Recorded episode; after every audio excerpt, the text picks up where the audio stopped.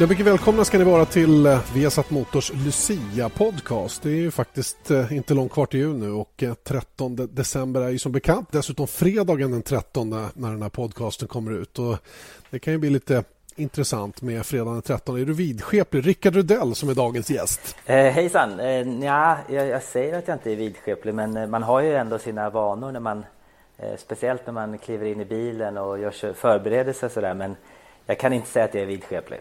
Fanns det ingenting som du bara måste göra innan du klev in? Nej, men jag, jag har alltid gjort så att jag sätter på mig vänster bälte först, sen höger bälte, vänster handske, höger handske. Men jag tror att det handlar mer om eh, att förbereda sig, att kroppen ska förstå att nu är det race. Så det handlar liksom om att komma in i någon slags eh, känsla mer, mer eller mindre.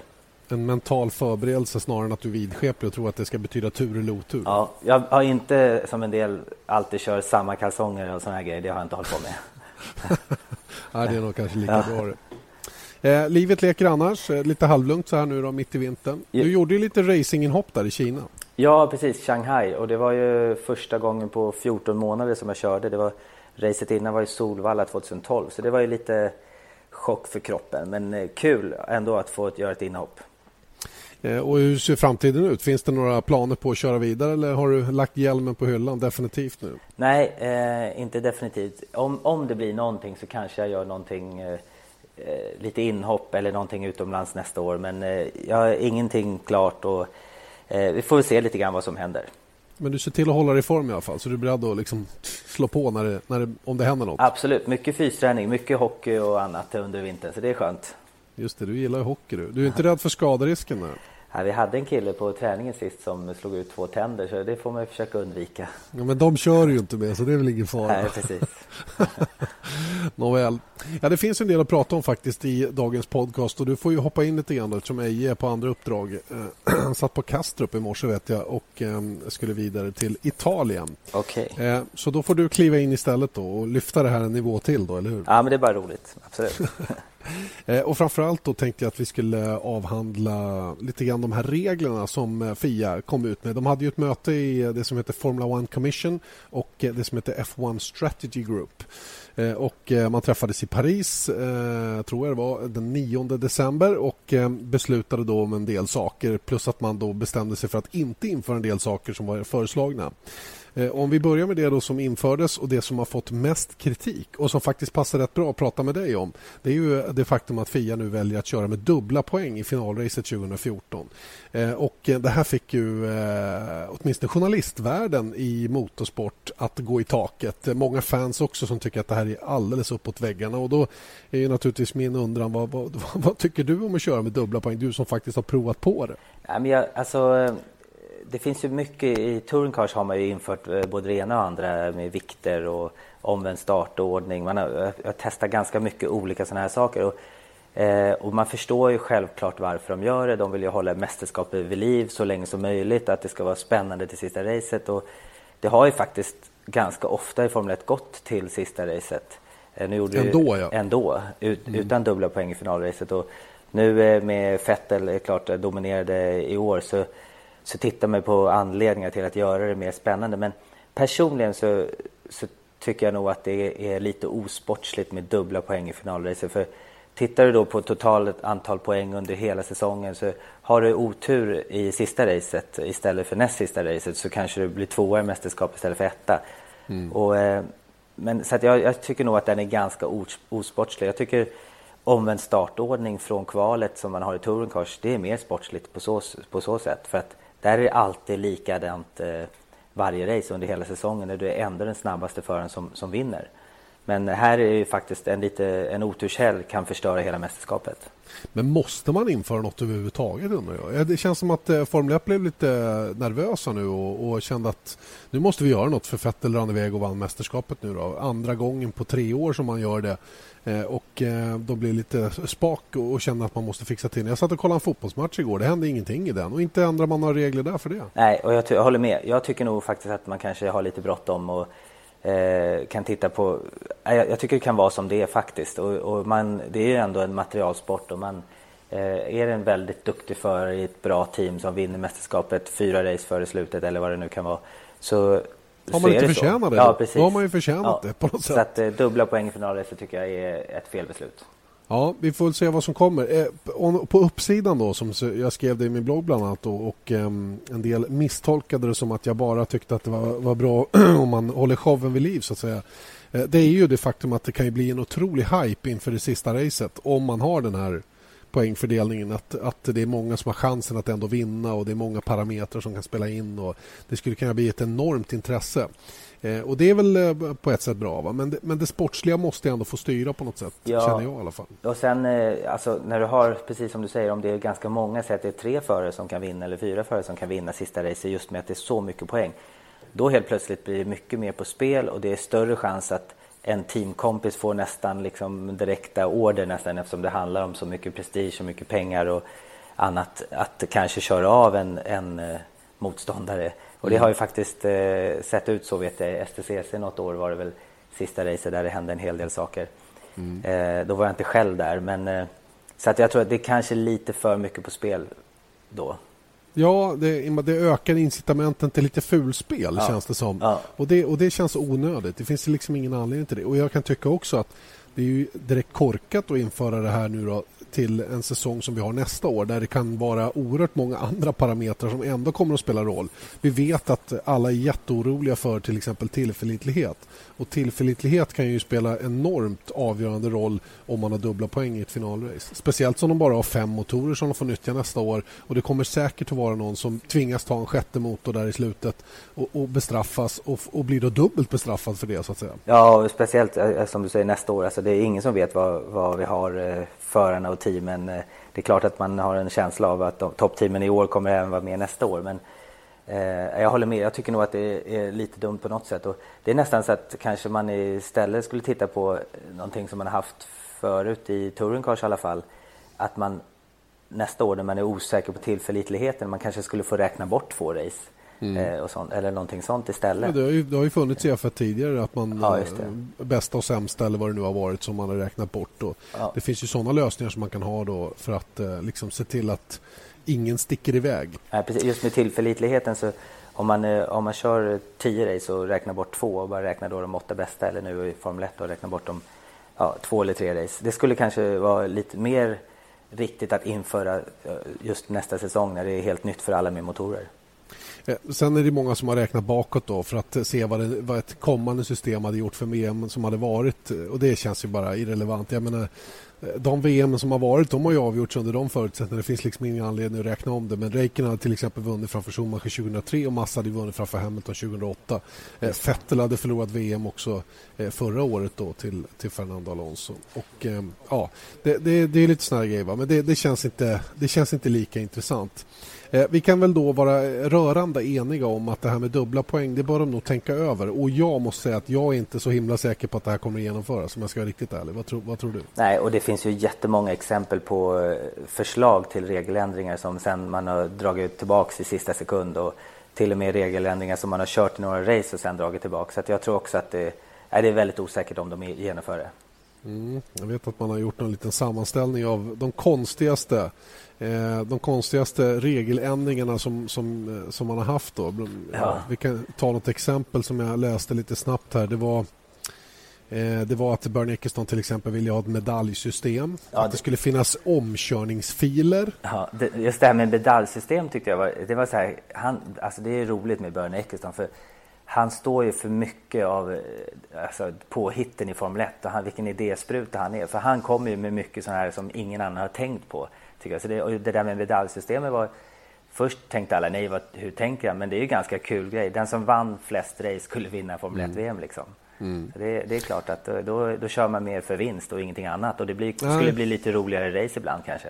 Och det var ju det som var poängen då. För att det var ju alldeles för många. Det, det var ju på den tiden när poängen inte skilde så mycket mellan seger och andra plats. Att man behövde hitta något incitament för att verkligen vilja vinna. Och då ökade man ju på då så att det blev lite större gap mellan första och andra plats. Och det, det ja. kan säkert... Nej men visst är det så. Bernie Eccleston är ju... Han, han kastar ju upp bollen i luften för att se lite grann var den landar. Ja. Eh, en annan helt vansinnig grej var att man planerade att ha eh, driver swapping. Att alla var anställda av FIA och fick hoppa i att man körde alla bilarna under en säsong. Och, och så skulle, precis, man skulle få hoppa igenom teamen och sen den som ledde efter att man kört i alla team skulle få välja bil i slutet på säsongen och så här, jättekonstiga grejer. Ja. Ja, det, har funnits, det har inte funnits någon brist på idéer i alla fall när det gäller att hitta på saker. Ja. Men, men som sagt, jag tror att kontinuitet och stabilitet, precis som det som alla eftersöker också när det gäller reglementet, att det är så stabilt som möjligt över tid. Eh, det är sånt som håller ner kostnaderna och jag tror också att eh, stabilitet och, och, kontinuitet när det gäller sportsliga reglementet är också viktigt att ha för att alla ska kunna liksom förstå och, och eh, bilda sig en uppfattning på riktigt allvar. Ja, det är klart att det ska vara. Det är viktigt att man tänker på det sportsliga, att det inte blir för mycket förändringar. Men samtidigt så ska det självklart vara underhållning. Men det, det är som du säger, man har inte ändrat, man har inte byggt ut fotbollsmålen för att det blir färre mål i fotboll direkt heller. Det har varit samma storlek på dem alla år. Och man ska nog inte göra för mycket ändringar i Formel 1 heller. Men, men det har varit en del idéer. En av de idéerna som, som eh, jag läste om också där, det var ju, kommer jag ihåg när vi gjorde, det var ju bara några år sedan när, när Bernie tyckte man skulle införa sprinklers och blöta mm. banan under race. Mm. Det hade varit ganska spännande.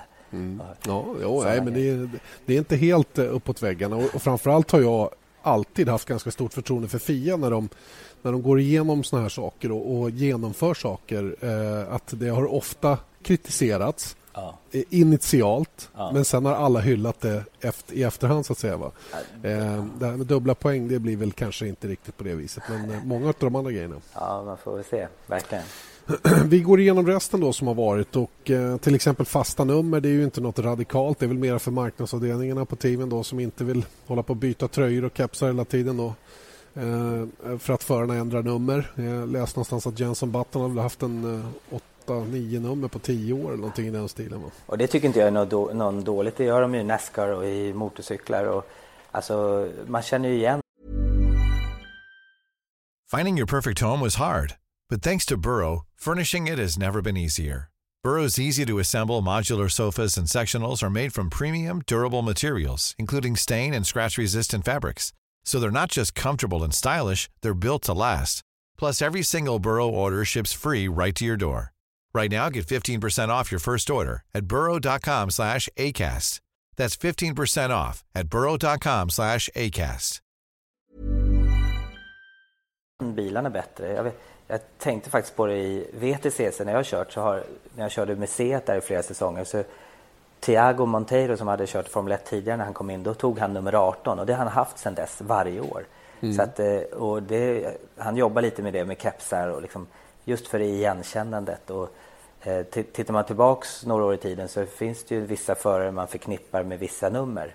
Mm. Så är det och det skulle man göra ännu mer om man hade fasta nummer helt klart. Ingen tvekan. Så att den var väl inte så kontroversiell. Den köper vi helt enkelt. Vi, ja. vi sätter okej okay på det. Den är OK.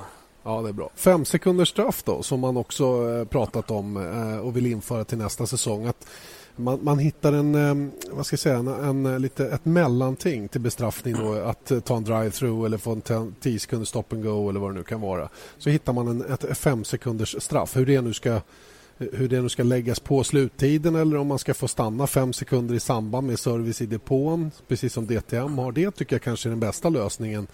Eh, eh, vad, vad, säger du? Jo, men alltså, det har alltid funnits olika typer av bestraffningar. Och Eh, no, några säsonger ibland i BTCC vet jag att de la på ett antal sekunder så att man tappade en placering. Och ibland kan jag tänka att eh, varför inte införa ett placeringsstraff istället? Om man gör någonting felaktigt, du tappar en plats som de lägger på efter race i så fall. För det, mm. det är ju idén med bestraffningen är att du ska bli bestraffad. Just det. Och ett, ett Formel 1-race som är kanske en timme och 40 minuter så fem sekunder kanske inte gör någonting, tio sekunder kanske inte gör någonting men en placering gör någonting. För att mm. ska ju, du ska ju få en bestraffning av det och då kanske det är bättre att du kan få en, två eller tre platsers bestraffning. Men det har man inte, det har man aldrig eh, tittat på direkt utan det är alltid ja. tidsstraff. Och det sjuka är att jag tänkte tvärtom. Fem sekunder, ja men det, det kan man ju faktiskt reparera. Ja, ja just det. Ja. Att, att det sen inte känns i slutändan. Ja. Nej, men det, och det är klart, det har, ju, det har ju att göra med vad det är för typ av eh, förseelse. förseelse man gör. Ja, precis. Och det är klart mm. att är det en väldigt enkel förseelse då ska man inte bli för hårt bestraffad också. Men hur, hur, tycker du man ska ha det då? Ska det vara pålagt på sluttiden då eller ska det vara någonting som, Nej, alltså, som gör att när resultatet är mål, det är det som gäller? Självklart är det alltid bäst. Självklart är det mm. bästa att det eh, resultatet man har i slutändan är det som gäller. För all, mm. alla förändringar efter eh, man har kommit i mål är alltid kontroversiellt och snack och tråkigt och svårt för publiken att förstå. Så att på så sätt är ju ett, eh, kanske ett fem sekunders straff bättre att göra då i samband med depåstopp eller någonting. Just det. Ja, det är nog, min, det, är nog det jag också förespråkar. Det är alltså samma, samma metod som man har i DTM. Då. Ja. Att man får ett pitstop-straff, heter det då. Eh, då har de en liten en ruta som man stannar till i fem sekunder innan man får köra vidare då till sin depåplats. Det vill säga depåstoppet blir fem sekunder längre. Ja, just det. Ja, och det är, väl en, det är väl en rimlig bestraffning att ha. Då. Sen om det kostar någon placering på banan eller inte, det, det kan ju vara rätt ointressant då i det avseendet. Ja, det Alternativet, är rättvist. Alternativet är ju då att det ska alltid kosta att få en bestraffning. Det vill säga, ja. som du säger då, att eh, ja, och gör du, gör du en, en lättare förseelse då, kommer du, då vet du att när du går i mål då har du tappat den placeringen. Men nackdelen med det är ju för publiken och att, att förstå och hänga med. För att du, du, vet ju själv när man sitter på TV så är det lätt mm. att se. Eh, men är du på plats och tittar så, så vet man inte vad som händer. Du hör inte kommentatorerna och då vet man du tror att det de som kommer i mål på femte plats att han är femma men så är han inte det. Så jag håller med om att det kanske är bättre att göra det under racet om man har det eh, resultatet som de kommer i mål som gäller. Just det. Eh, fem sekunders straffet får du också okej? Okay.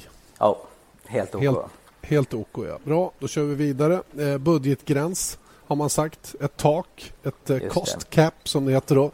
Eh, ett, eh, ett, en övre gräns för hur mycket pengar man får spendera. Och det, det är ju inget, idén i sig är ju jättebra.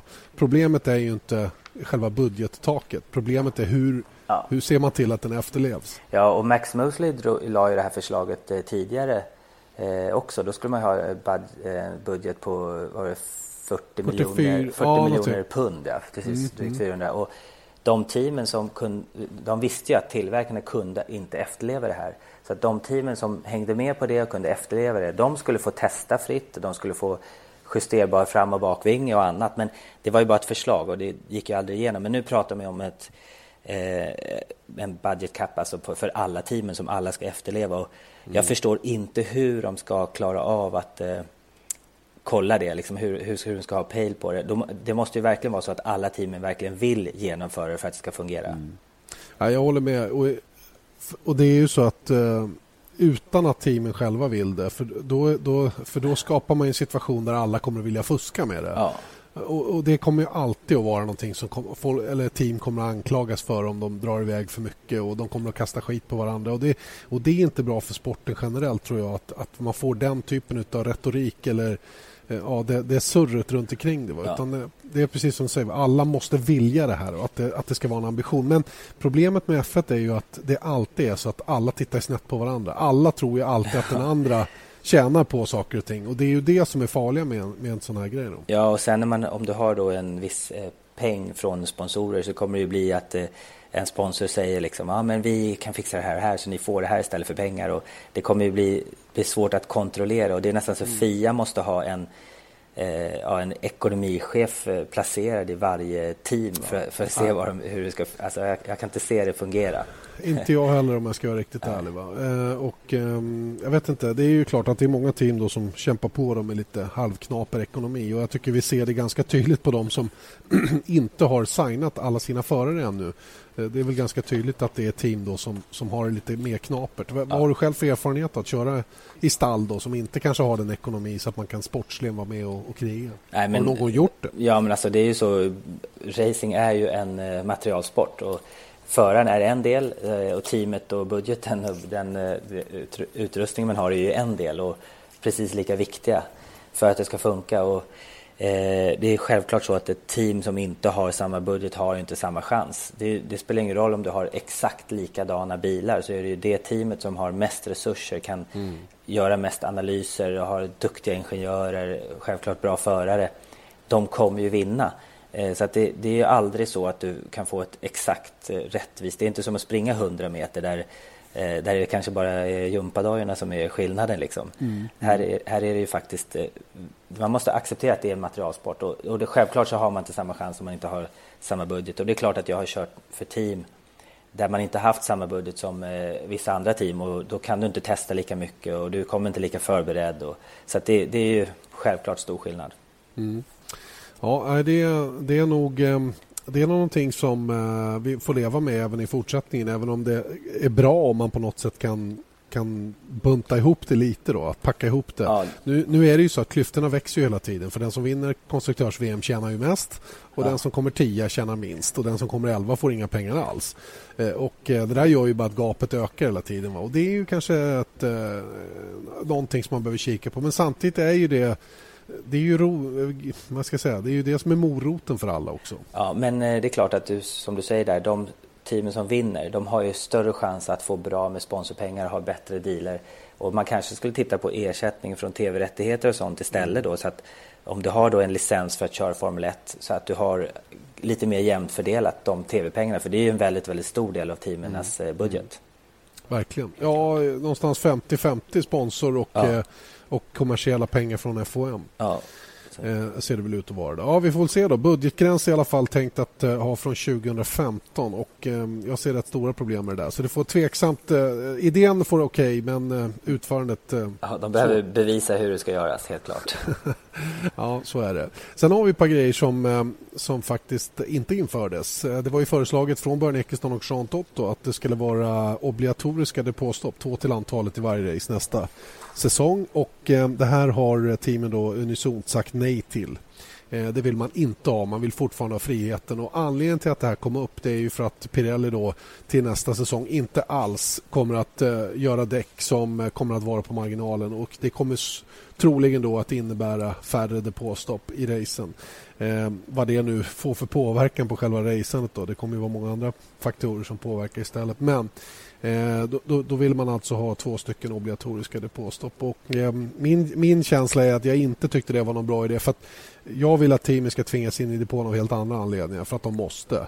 Och, eh, än, än för att FIA har bestämt utan för att de måste av, av rent eh, körmässiga skäl. Och det, det, det är nog bra att det får vara så även i fortsättningen. Ja, men jag håller med, absolut. Och jag tycker att det var kul i år när eh, liksom, Pirelli, nu kan, de fick ju väldigt mycket kritik och jag förstår dem att de vill göra däck som håller för att inte få den kritiken. Men som förare när du kör eh, slut ett däck och du tappar tre sekunder, fyra sekunder per varv för att däcket är slut och du kommer in, byter och så blir du trea, fyra istället för du kanske trodde att du hade chans att bli etta, tvåa. Ja, vad kritiserar du? Det är klart att du kritiserar däcken för du körde slut mm. på däcken. Så att det är inte konstigt att de kritiserar däcken. Samtidigt så hade ju Pirelli faktiskt en uppgift att bygga däck som gjorde det mer intressant. Och de Sen om Pirelli kanske inte är lika bra att bygga däck som Michelin eller andra så, så gjorde de ju ändå racen väldigt intressanta och jag tycker det är lite synd att de nu eh, i och med den kritiken de har fått kommer att göra däck som håller bättre och så. Det kommer, det kommer bli lite sämre racing tror jag. Jag, tror att det, jag tycker det har varit riktigt kul i år som det har varit. Mm. Ja, risken är ju att vi får eh, betydligt mer statisk racing, att, att det blir enstoppare Ja. Eh, så, så, eh, rent däckmässigt då, en enstoppare så att säga. Då, och sen, att det, det, är det som vi kommer att få leva med på något sätt. Ja, sen är det klart att de är oroliga också för eh, motorerna nästa år med vridmoment och annat och liksom hur, hur pass det kommer slita däcken. Och, så att det, det är väl lite en viss osäkerhet där så de måste kanske bli lite försiktigare också. Vi, vi, ska inte eh, kasta yxan över sjön efter vatten, höll jag säga. Men det är ju så att eh, eh, Pirelli får ju faktiskt en test nu i Bahrain med eh, fem eller sex team som kommer att delta. Eh, och det gör ju att de får en möjlighet att vara bättre förberedda. Nu får de inte åka med nästa års bilar i den här testen utan det är fortfarande årets bilar eller ja, till och med tidigare års bilar. Jag vet inte riktigt hur, hur regeln är satt där. Men, men eh, oavsett det så får de en chans att ändå göra riktiga utvärderingar med relevant data, vilket de inte haft tidigare. Och Det är ju det som har varit problemet till att Pirelli aldrig kunnat komma väl förberedd. Det är att de aldrig haft riktiga grejer att testa ut sina produkter med. Eh, och Det kanske kan hjälpa till nu då, en sån här test som de får köra i Bahrain. Ja, absolut. Och jag vet när vi har kört i BTC till exempel där Michelin eh, var däckleverantör. Under några säsonger så var både Dunlop och Michelin och eh, det gjordes väldigt långa seriösa däckstest både på hösten och på våren. Och faktiskt så, så, skulle de nog behöva göra mycket mer tester. Jag är helt säker på att Pirelli gärna skulle göra mycket mer däckstester om, om det hade fungerat och, mm. och genomföra, absolut. Nej, och det, är ju, det där får ju, det får ju teamen ta på sig för det är ju de som har satt stopp för det. Att, ja. att, eh, eller ja, teamen, Formel 1 generellt. Millions of people have lost weight with personalized plans from Noom. Like Evan, who can't stand salads and still lost 50 pounds. Salads generally for most people are the easy button, right? For me, that wasn't an option. I never really was a salad guy. That's just not who I am. But Noom worked for me. Get your personalized plan today at Noom.com. Real Noom user compensated to provide their story. In four weeks, the typical Noom user can expect to lose one to two pounds per week. Individual results may vary. Finding your perfect home was hard, but thanks to Burrow, furnishing it has never been easier. Burrow's easy to assemble modular sofas and sectionals are made from premium, durable materials, including stain and scratch resistant fabrics. So they're not just comfortable and stylish, they're built to last. Plus, every single Burrow order ships free right to your door. Right now, get 15% off your first order at burrow.com slash ACAST. That's 15% off at burrow.com slash ACAST. Som bara ska hålla tillbaka på fel saker. Eh, och då kommer vi tillbaka där med budgetgräns. Man kan spendera hur många miljoner som helst på att hitta en tiondel i en ny framvinge. Men man kan inte spendera fem miljoner på en däcktest under säsongen. Eh, det är för mig eh, obegripligt va? Att, att, inte, att inte ha sådana marginaler så att man har råd att köra åtminstone en däcktest. Ja, där, där alla teamen blir inbjudna och alla valfritt får vara med och köra. Ja. Uh, det, det, är ju helt knasigt egentligen. Och det blir inte lätt nästa år liksom, med de förändringarna på chassi och motor som för, för Pirelli att hitta rätt vad de ska göra. Så det, det, det blir spännande att följa. Mm. Eh, sen var det ju det här med vikt, vikten, minimivikten på bilarna. Det var ju föreslaget också att man skulle höja den med 10 kilo vilket räcker för att de här största gossarna, de är inte ja. jättestora, men att de största då inte skulle drabbas negativt. Eh, till exempel Nico Hülkenberg då, som har varit benchmark uppåt då, och så kanske Fernando Alonso eller Felipe Massa neråt. Då. Två två väldigt olika rent fysiskt eh, förare. Då, där eh, Hylkenberg är en av de större och lite tyngre och Alonso en av de mindre och lite lättare. Då. Det här ville man då försöka plana ut då genom att lägga på 10 kilo på minimivikten. Det här eh, motsatte då Ferrari naturligtvis, Lotus och eh, Mercedes. Ja. Eh, som inte alls tyckte de verkar ha bra koll på det här medan övriga team då gärna hade gått med på en 10 ja, kilo ökning. Ja, där ser man ju verkligen på det, alla tänker ju bara på sig själva är klart. Absolut. Jag tror det var Mercedes som först sa nej till den här ja. ökningen och med Hamilton och Rosberg då. Eh, och det är klart att det är trist egentligen ibland att när, det här är ju faktiskt en sån regel som eh, FIA tycker jag ska kunna genomföra för de ser på helheten. Eh, de sitter ju inte med något eget intresse. Det gör ju Nej. Mercedes och Ferrari som sitter med förare då som, som inte är stora. Då, då då säger de, fattar de ett beslut efter sitt eget intresse. Jag tycker här borde FIA kunna fatta ett sådant beslut. Mm. men här behöver man ju alla team måste komma överens om att för, göra en sån förändring. Och det är lite tråkigt ibland. Sen, sen kan FIA istället fatta, an, fatta då beslut som vi pratade om, dubbla poäng sista racet. Mm. Eh, utan att alla är med Utan att alla teamen är med på det. är lite konstigt ibland hur vilka, vissa beslut måste ha alla team vara med på, vissa beslut kan de göra mm. precis hur som helst. Det där är ju lite lustigt alltså. Ja, jo men så är det ju när det gäller vikten här så är det ju så att vi är väldigt nära in på nästa säsong och där, därför så är det väl någon tidsgräns satt att när man är så nära in på ja då tvingas man ha eh, total majoritet, det vill säga att alla teamen är med på en ja, eventuell förändring. Eh, och när det är just en sån, sån viktig fråga som det är. Då. Det man kan tycka är väl möjligen då att Fia borde ha researchat det här lite bättre då och eh, så fort att man fick eh, besked om att motorerna verkade bli tyngre då än vad, än vad man förutspått. Då. Att man hade justerat det här i ett tidigare skede. Men eh, det har man absolut inte gjort. Och eh, Det är väl inte förrän till nästa år då, då en trolig höjning ändå kommer att ske. Men då har ju alla tid att jobba efter det konceptet också. Så att, eh, det, är väl, det är väl kanske rätt och riktigt i alla fall då i slutändan. Ja, man tycker inte 10 kilo tycker man på 700 liksom ungefär, procentuellt sett är det inte speciellt mycket. Så att, det, och det skulle inte påverka Alltså jag tror inte att det har så stor... Nu har inte Pirelli gjort klart däcken om man pratar däckslitage. Jag tror, jag tror inte att det skulle ha varit något problem om eh, Fia hade bara sagt att det skulle genomföras. Nej, det ju, men det är ju fortfarande det här med 10 kilo, 35 hundradelar på ett ja. Eh, generellt varv. Ja. Det är rätt mycket. Och, eh, jag menar, har du då en förare som, som gör att ekipaget väger 695 kilo ja. istället för 690 Eh, Eh, för att man inte når ner till minimiviktningen. Det är klart att då tar man ju hellre en förare då som gör att man väger 685 och kan bala stabilen med 5 kilo. Och det kanske är anledningen till att eh, Hülkenberg har svårt att få en körning? Finns sådana tecken i alla fall ja. kan man ju säga. För så bra som han har varit i år ja. eh, och eh, så ointressant för de stora teamen. Nu var han visserligen väldigt nära en plats hos Ferrari eh, men den snöt ju Kimi Räikkönen när han blev tillgänglig. Men eh, dessbättre för Hülkenberg då så har han ju signat ett nytt kontrakt med Force India Eh, där varken Ferrari, McLaren, Red Bull eller Lotus... Ja, Lotus ville väl ha honom men, men tog honom inte av andra skäl. Ja, det. Eh, och Det är lite märkligt faktiskt. Eh, han får ju mycket beröm, inte bara från oss och resten av eh, journalistkåren i Formel 1 utan han får ju även beröm av kollegor som tycker att det är märkligt att han inte räcker till för en bättre plats. då. Och Frågan är om han någonsin kommer till ett bättre team. för att tiden går. Nu är han inte jättegammal, men tiden går och kontrakten löper på. Ja, det, det, han har ju liksom kommit på bakfoten rent generellt. Ja, han har ju visat nästan varje säsong har han gjort några riktigt uppseendeväckande resultat i, i de bilar han har suttit. Så jag håller med. Jag, jag tycker han skulle ha fått chansen. Men det, alltså, hans vikt kan vara kan ha varit den avgörande faktorn vissa gånger när, när teamen har kollat på honom. Helt klart. Oh ja. Han väger ju närmare, med, med grejer då, närmare 80 kilo eller 77-78 någonstans. Så ja, det, och det tycker, det man är, det tycker man är tungt. Ja, ja. jag tycker det är fånigt lätt. Ja. när jag vägde 75 kilo en gång i tiden då var jag inte mycket för världen, det kan jag tala om. Och eh, Mark Webber sa ju faktiskt när han, eh, när, när han slutade köra Formel 1 att eh, det skulle bli skönt att få börja äta för han har inte gjort det på fem år. Det... Nej, det är helt sjukt. Daniel ja. Ricciardo har till exempel blivit tillsagd att gå ner två kilo. Ja. Eh, två kilo på en kille som väger kanske 74, 73, 72 kilo utan utrustning. Ja. Det är kanske till och med ännu mindre. Säg 70. Ja. Det, är, det, är ju, det är ju jättesvårt att bli av med det. Nej, det är tufft, helt klart. Ja, eller hur?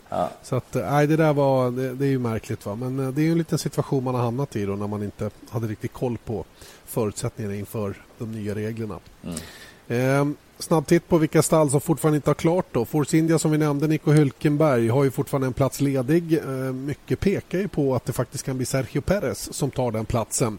Ehm, så till eh, var ju favorit till en plats fortsatt i, i Force India även nästa säsong. Men den har, han har svalnat lite grann. Och eh, frågan är var han tar vägen. Ja. Så att eh, mitt tips går väl till Peres där bredvid Hylkenberg. Det kan bli rätt så bra föruppställning. Ja, han är ju verkligen värd att få köra i ett, eh, ett hyfsat team. Han, det var ju lite synd om han i år tycker jag med, med allt som har hänt. Men eh, samtidigt så har han ju inte riktigt presterat det som de förväntar sig av honom. Nej, inte riktigt på den nivån som många hade hoppats kanske. Ja. Sen har vi Sauber då förstås som fortsätter med Ferrari-motorer. Har inte någon förare klar ännu och det är lite oroande. Sauber som eh, hade jätteproblem med ekonomin mitt under säsongen och eh, fick lite styr på det där genom lite ryska pengar då vad vi förstod. Eh, Sergej Sirotkin är väl en av förarna men han har problem att hitta eller få sin superlicens. Ja, det, eh, och, det är inte så eh, konstigt heller. Nej, och det ja. känns väl inte som att han eh, sitter i pole position för den där platsen riktigt. Och jag vet ärligt talat inte vilka eh, som kommer att sitta i Sauber nästa säsong. Det som eh, Paul de Resta är väl en som tittar på en plats där säkert. Sutil också skulle kunna vara aktuell. Petrov har ju sagt att han vill tillbaka till Formel 1 till exempel. Så det finns, det finns lite folk där som kan mycket väl hamna hos Sauber. Men det är lite bekymmersamt att de så här Eh, eh, långt in i december fortfarande inte har eh, eh, tillkännagivit någon förare. Men jag vet ju också att de kanske har två förare klara fast de har inte bestämt sig för att berätta det än. Ja, så kan det absolut vara. Sen har vi Marussia då med Jules Bianchi som är klar redan med hjälp av Ferrari naturligtvis. Ferrari-motorer i Marussia nästa säsong. Där är den andra platsen inte klar men där pekar väldigt mycket på att Max Chilton faktiskt har säkrat den positionen eh, Chilton som har antytt det här själv och eh, sagt att det kommer ett tillkännagivande här någon gång i december, förmodligen innan jul. Och Sen har vi Caterham då som eh, naturligtvis är lite extra intressant med svenska ögon eftersom det fortfarande ryktas om Marcus Eriksson till Caterham och eh, vi, vi, får väl se vad som kommer att hända.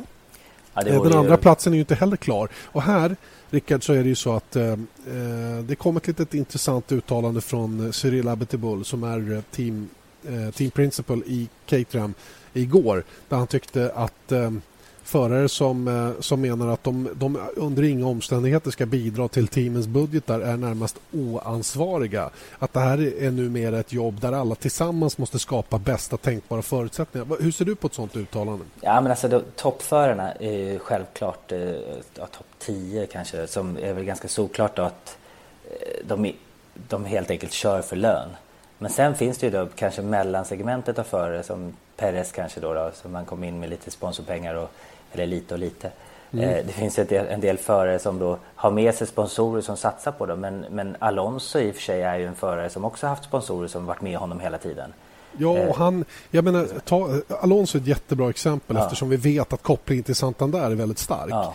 Där är ju Alonso med då, eh, antingen genom sitt sätt att vara, köra eller prestera eh, så är ju han en bidragande orsak till ja. att Santander är med och skapar förutsättningar. Och självklart är det så att en förare måste försöka skapa förutsättningar för teamen att försöka fortsätta. Sen kanske inte föraren själv eh, gör dealen med sponsorn och betalar pengarna till teamen utan det väl handlar mer om att eh, skapa kontakter och sånt. Och vissa förare då, eh, det, här, det här uttalandet kommer ju antagligen för att vissa förare liksom bestämt säger nej men jag tar inte med mina sponsorpengar, jag ska ha lön för att köra. Och mm. Det funkar inte riktigt så, det finns ju alltid en gräns däremellan. Just det. Och eh, den vi främst tänker på, då, både du och jag antar jag, är Heikki Kovalainen då, som har varit ganska tydlig med det och eh, som också har varit eh, aktuell hos, eh, ja. hos Caterham. Men jag undrar om inte det där uttalandet igår var spiken i kistan för den sån deal. För att, eh, det är så dumt att säga. Det är ett ganska dumt uttalande helt klart. Ja, man, man eh, har ju målat in sitt litet hörn i alla fall. Ja. Om man har ambitioner att ta sig vidare. Och som sagt, eh, Eh, skulle det nu bli Caterham för Marcus Eriksson så kanske det är så att det här är den bästa säsongen på länge att komma in i Formel 1 nu när det är så många regeländringar. Det är många som börjar om från noll. Ja, så är det ju. Och, eh, samtidigt så är det klart att de som har mest resurser har ju lättast att anpassa sig. Så att, eh, eh det är självklart att de har en liten fördel där. Men eh, Samtidigt så är det klart att när det ryktas om Marcus Eriksson, det vore ju helt otroligt kul om vi får en svensk, skulle få en svensk i Formel 1 igen. Och mm. Det vet vi inte när det händer och det var ju, det var ju några år sedan sist. Men det skulle ju, eh, om det blir så, så skulle det ju verkligen öka motorintresset eh, för all motorsport i Sverige. Så det skulle vara grymt bra för svensk motorsport. Helt klart. Verkligen. Eh, Caterham som team då, som eh, vi vet eh, mer eller mindre skippade eh, säsongen 2013 för att vara förberedda inför 2014. Hur ser du på dem? Så är, de, är de ett team som kan vara med i matchen? Nej, de har väl inte alls eh, klart resurserna och, som, eh, och får ju inte speciellt mycket pengar nästa år heller då. Eh, med tanke på deras placering. Nej. Så det, det, det, blir tufft för dem helt klart. Och jag, du sa att 50% av budgeten kommer från tv-rättighetspengar så där, mm. där tappar de ju väldigt mycket. Eh, och det, det blir klart att det blir, det blir svårt. Men man får ju hoppas att de har lagt ner mycket resurser på bilen för 2014 då som du, som du sa. Att de har mm. hoppat li, över lite grann årets säsong. Ja, de har ju kört med 2012 under 2013 ja. med bara ja. smärre uppdateringar. Och det, vi, vi får se hur långt det kommer att räcka. Förra podcasten som du inte var med i så, så pratade vi lite grann om de tre första teamen i konstruktörs-VM. Eh, som utlovat då ska vi ta plats 4, 5 och 6 idag. Och eh, Det är tre ganska lätta team att ha åsikter om. Eh, jag pratar om Lotus Renault som blev fyra, McLaren Mercedes som blev femma och Force India Mercedes som blev sexa i mästerskapet. Om vi börjar med Lotus då så eh, är det ju ganska känt vad det här teamet har varit med om under året. Framförallt har de ju varit väldigt starka. De var ju, eh, var ju länge med och slogs på riktigt allvar i förar-VM med Kimi Räikkönen. Eh, men sen eh, ju längre in i säsongen vi kom så, så blev det ju allt tydligare att de ekonomiska bekymren var stora. Eh, och Det här kulminerade då med att Kim Räikkönen till slut eh, hoppade av helt enkelt. Oavsett om han gjorde det för att operera ryggen eller vad det nu än är och dessutom signade med Ferrari för nästa år så var det tydligt. Och Det kom ju också fram att man inte hade betalat lön vare sig till mekaniker eller till Kim Räikkönen och knappast till Romain Grosjean heller om man nu får lön från Lotus.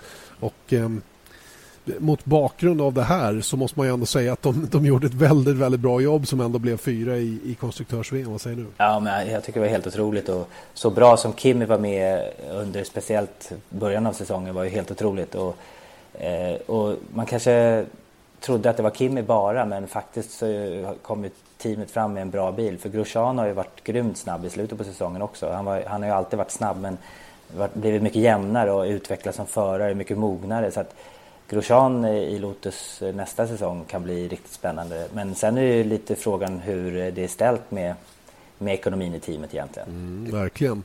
Eh, och precis som du säger då, starka med Kim Räikkönen under första halvan och sen då med Grosjean under andra halvan. Och faktum är att Lotusbilen var väl nästan den näst snabbaste bilen här mot slutet känns det som i alla fall då, med tanke på alla pallplatser då som, eh, som Grosjean lyckades eh, bärga fram till den avslutande tävlingen när motorn sa upp sig då redan efter två eller tre varv eller någonting i den stilen. Men det är klart att det är frågetecken inför nästa år. Eh, hur mycket pengar har de verkligen att lägga på 2014? Har de haft några överhuvudtaget? Nu får de lite påspädning ifrån FOM och sen så får de ju Maldonados kulor in nu då så att de kanske kan liksom släcka lite bränder åtminstone. Jag tror att det, det, stora, alltså den stora grejen med Lotus i år det var att de var snällare mot däcken eh, än något annat team.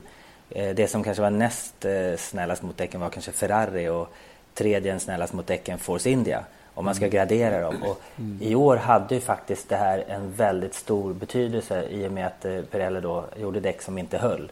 Så att eh, helt plötsligt så var det en mycket, mycket större faktor. Det var inte bara att vara snabb, det handlade om att ta hand om däcken. Och en anledning till att Lotus tar hand om däcken väldigt bra, det är ju faktiskt eh, svensk eh, bakgrund. Och det är Öhlins som mm. levererar dämparna till Lotus. Och jag vet att de har fått väldigt, väldigt mycket eh, uppmärksamhet och runt det här. Så att, eh, det tycker jag var väldigt kul. Det, det, ska vi inte glömma bort att Öhlins Racing har bidragit till eh, den framgången. Helt klart. Eh, om vi tar det femte teamet då i mästerskap, McLaren Mercedes, så kan man bara sätta ett enda ord efter besviken. Ja, det får man väl göra. Med den budgeten, de resurserna eh, som de verkligen har så eh, är det klart att de inte alls är nöjda. Och jag tycker lite grann att, eh, jag har alltid gillat Button som förare, jätteduktig. Men de saknar då en sån här som kan alltid sätta, ja, sätta bilen på pool när, det, när du inte har bästa bilen som Hamilton var. Eh, och det har de inte haft i år. Så att vi, man vet inte riktigt hur. Självklart har inte teamet levererat en bra bil. Men kanske med en, en Hamilton i där så hade de nog presterat bättre än vad de hade gjort i år. Ja, det, det känns ju som att det är på det viset. Och, och precis som du säger, Button är en fantastisk eh, förare på, på många sätt. Men eh, ingen, ingen killer direkt och väldigt känslig i sin, i sin setup och hur bilen ska kännas för att själv kunna leverera. Och det har man liksom inte råd med på den här nivån. Nej, och han, var, menar... han, han kunde vara på topp när han är på topp så är han riktigt, riktigt bra. Men Hamilton kunde ju faktiskt stå 1, 2, 3 och Button 12 ibland liksom, om man inte visste varför. Så man har inte riktigt rätta benchmarken där i det teamet i år. har man inte haft. Nej, och eh, frågan är om man har det nästa år heller. Eh, nästa år alltså Jenson Button och sen unge Kevin Magnusson då. Du, du sa till mig när vi pratade häromdagen att du trodde att Magnusson kunde bli ett allvarligt hot mot Jenson Button. Ja, och det är klart att det blir tufft nästa år med så lite testande och allting som man ska göra. Men eh, absolut. Eh, kval, vi ska titta på kvalstatistiken i slutet på 2014. Då tror jag att Magnusen tar eh, baton. Mm. Och sen har vi Force India då som eh, naturligtvis eh, åkte lite jojo under året här. De var, de var också starka inledningsvis då med, eh, med däck, eller en bil då som tog hand om de här svaga däcken som Pirelli kom. Sen åkte de ner i källaren när eh, det kom eh, en liten uppdatering när det gäller däcken och sen på något sätt så kom de tillbaka lite grann igen mot slutet. Jag vet inte riktigt vad man hade dem faktiskt. Nej, och, men helt klart så hjälpte det dem i år just att det var tufft att få däcken att hålla. Och det är som du sa, när de kom upp med bättre däck på slutet så syntes det, eller i mitten på säsongen. Så att det, ja, det är svårt att säga men eh, grymt bra ändå var sjätte team. Verkligen. Och eh, Force India då med en förare klar då för nästa år och fortsätter också med Mercedes-motorer. Det gör även McLaren till nästa år men sen byter de 2015 och det kommer bli en intressant nystart för McLaren som kommer att jobba ihop med Honda då under period Eh, från och med 2015. Så det blir väldigt, väldigt spännande. Alla tre av de här teamen har ju en ganska intressant framtid till mötes av olika skäl. Och Det ska bli spännande att se hur långt det kommer att räcka. Vi kommer att eh, fortsätta prata team eh, under kommande podcastar också då innan vi har gått igenom hela konstruktörs-VM. Eh, snabbt nu då inför, eh, eller ja, snabbt om DTM också som du och jag jobbade med under året. Eh, DTM-säsongen som kanske inte blev det vi hade hoppats på för svenskt vidkommande. Mike Rockenfeller tog titeln till slut och eh, var ju klar mästare redan innan finalen i Eh, eh på Hockenheim. Eh, nu nästa år så har man bestämt sig för att köra i Guangzhou istället för Shanghai. Och, eh, du var ju som sagt i Shanghai och körde World Touring Car eh, Championship, VTCC då. Och, ehm, nu åker man i Guangzhou där man var förra gången också. Det är väl ett stadslopp vill jag minnas. Ja, där man precis. bygger en tillfällig bana. Jag hade nog hellre sett dem i Shanghai faktiskt. Ja, Shanghai. I och för sig så eh, var jag lite förvånad över Shanghai att det var så pass långsam bana. Nu körde inte vi, det var ett litet parti som de tog bort när vi körde touring cars där då. Så att eh, typ den enda snabba kurvan som man har på Formel 1-banan där eh, var borttagen. För även om det är ganska mycket snabba ingångar i flera kurvor så drar, går de åt sig liksom så att det är ganska långsamma utgångar. Så att jag tycker, jag var lite förvånad. Jag, tycker, jag är lite besviken med Shanghai-banan. Jag hade förväntat mig mer av den som bana. Eh, sen har väl DTM inte haft så väldigt bra race i Kina. De körde ju två gånger tidigare, 2004 och 2010. Mm. Men då hade de inte haft så mycket publik och har väl fått svårt med genomslagskraften. Mm. Eh, och därför kanske man väljer en, eh, en stadsbana där man får mer publik enklare på något sätt. Ja, jag vet inte heller om jag tror att DTM alltid tänker rätt i det avseendet. Va? Men de har ju säkert god grund för sina beslut och de tittar ju naturligtvis på marknads, marknadssidan, vad det betyder att få visa upp sig och hur nära folk kommer bilarna och hela den biten. Och där, där kommer kanske det sportsliga också i åtminstone i andra hand en del gånger. Ja, och, eh, Absolut. Vi får se vad som kommer att hända. På förarsidan där, lite intressant. Antonio Felix da Costa eh, som många trodde skulle få platsen i Toro Rosso när eh, Ricciardo flyttade upp men som petades av ryssen Daniel Kviat. Kommer att köra för BMW. Och eh, han får sällskap av en annan förare som jag inte minns namnet på. Som Maxim Mar eh, Martin? Eller? Martin, ja just det. Just Maxim det. Martin som, som kommer köra också för BMW. Den som får flytta på sig i BMW är bland annat då eh, Andy Priot som blir GT-förare på heltid då efter eh, ett mindre lyckat inhopp i DTM får man väl ändå säga. Några få ljuspunkter men det har varit klart sämre än vi hade hoppats och förväntat oss väl? Ja absolut och Priol som eh, vann eh, ETCC och sen VTCC två år så han vann ju tre år på raken men två gånger var det VM och var grym i tourencars och slog Farfus på eh, ja, mer eller mindre hela tiden på poäng, poängmässigt. Då. Eh, sen eh, i, de kommit till DTM och det är annan typ av bilar och där har Farfus varit klart snabbare än Priol hela tiden. Så att det är lite grann, det handlar om att anpassa sig och passa i de, den bilen man kör och där har ju Farfus lyckats eh, mycket bättre. Lite Button-syndrom kanske över Priol. De är ju polare dessutom. Ja, kanske. Alltså, han, han är ju ganska, han kör rätt mjukt och det är ju faktiskt så en touring car som har färre hästkrafter, en VTCC-bil då, måste du köra lite mer som en Formel 3-bil då eh, om man jämför Formel 3 och Formel 1. Mm. Du, måste ha, du måste vara lite mjukare och ha mer farten ut genom kurvan. En DTM-bil som har mer hästar eh, och har mer aerodynamik blir lite mer som en GT-bil som har väldigt mycket hästkrafter. Där, där är, handlar det om att bromsa sent, vända runt bilen och vara på gasen tidigt. Så det är en annan typ av körning och Priols eh, körning har väl inte riktigt passat i DTM. Nej. Sen har vi då den självklara frågan hur, eh, huruvida Felix Rosenqvist kan ta en plats nästa säsong. Eh, Rosenqvist som eh, jag vet, eh, åtminstone igår kväll, försökte ta sig till Stuttgart för julfest hos Mercedes. Mm. Eh, han sa det, jag får försöka lura av dem något besked eh, när de har tagit en liten schnaps där nere. Och det vore ju grymt kul om vi kunde ha två svenskar i DTM och Mattias och Felix kör för det blir ett helt annat intresse och då kan man följa den fighten också, inte bara då tre märken utan även två svenskar. Så det skulle vi se fram emot. Ja, verkligen. Och, och möjligheterna finns ju. Felix har ju varit och testat Mercedes-bilen, en lite hemlig test som gjordes eh, utan att leverera några tider till, eh, till förarna eller till någon annan heller för den delen, utom till Mercedes själva. Så, så rapporterna talade ju om att James Calado och, eh, och eh, Rosenqvist hade varit bland de snabbare på den här testen. Då. Så att eh, vi får väl se vad som kommer att hända. Eh, Felix har även varit och testat som ett pris för andra platsen i mästerskapet i år i Formel 3. Eh, körde han World Series. Den, den testen gick väl så där. Det var på Aragon där han eh, var en bit efter faktiskt. Och, eh, han fick väl bara en dag också i, ja, i bilen. Ja. Så att det, det handlar väldigt mycket om förberedelser och vissa förare som kanske inför en sån här test som är ganska, där de visar tider live och Eh, där alla ser inför en sån test har de redan gjort en test liksom, som inte är officiell. Eh, så att det där är lite, och det kanske har varit i en annan bil. Och jag tror inte att Felix var riktigt förberedd för den testen på rätt sätt. Nej, och eh, nu handlar det ju väldigt mycket om ekonomi. Om man ska kunna köra mer formelbil eller inte. Skulle det bli DTM då antar jag att han blir anställd av Mercedes och kör för något av de, eh, de teamen som man stoppar in juniorförare i. Och Det som krävs tror jag för DTM det är väl att Mercedes utökar med två bilar till.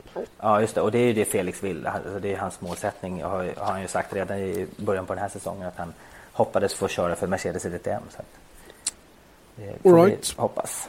Vi får hoppas han kommer till Stuttgart till att börja med. Då. Ja. Och ehm, eh, att de eh, kommer hela vägen. Det har tydligen varit lite bö bö bökigt väder nere på kontinenten och det var väl nu Eh, runt i, Tyskland där som det var lite stökigt. Så att, eh, vi, vi hoppas att resan går bra. Eh, därmed så tror jag att vi har avhandlat det vi ska avhandla i denna podcast. Kul med en liten julpodd också.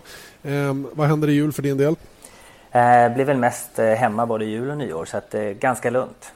Gött. Själv ska jag inte heller göra så himla mycket. Jag har ju haft min lilla semester och nu förbereder mig för olympiska spel. Det är ju det som är närmast för min del då i februari. Får åka till Ryssland. Och... Så man behöver inte bara slå på Viasat Motor för att lyssna på dig då? Nej, då, då, då täcker jag hela spannet så att ja, säga. Härligt. Mm.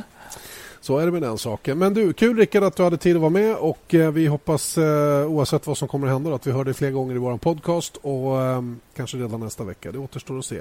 Eh, tack så länge då, säger vi från Viasat Motor, Janne Blomqvist och Rickard Rydell. Tack så mycket.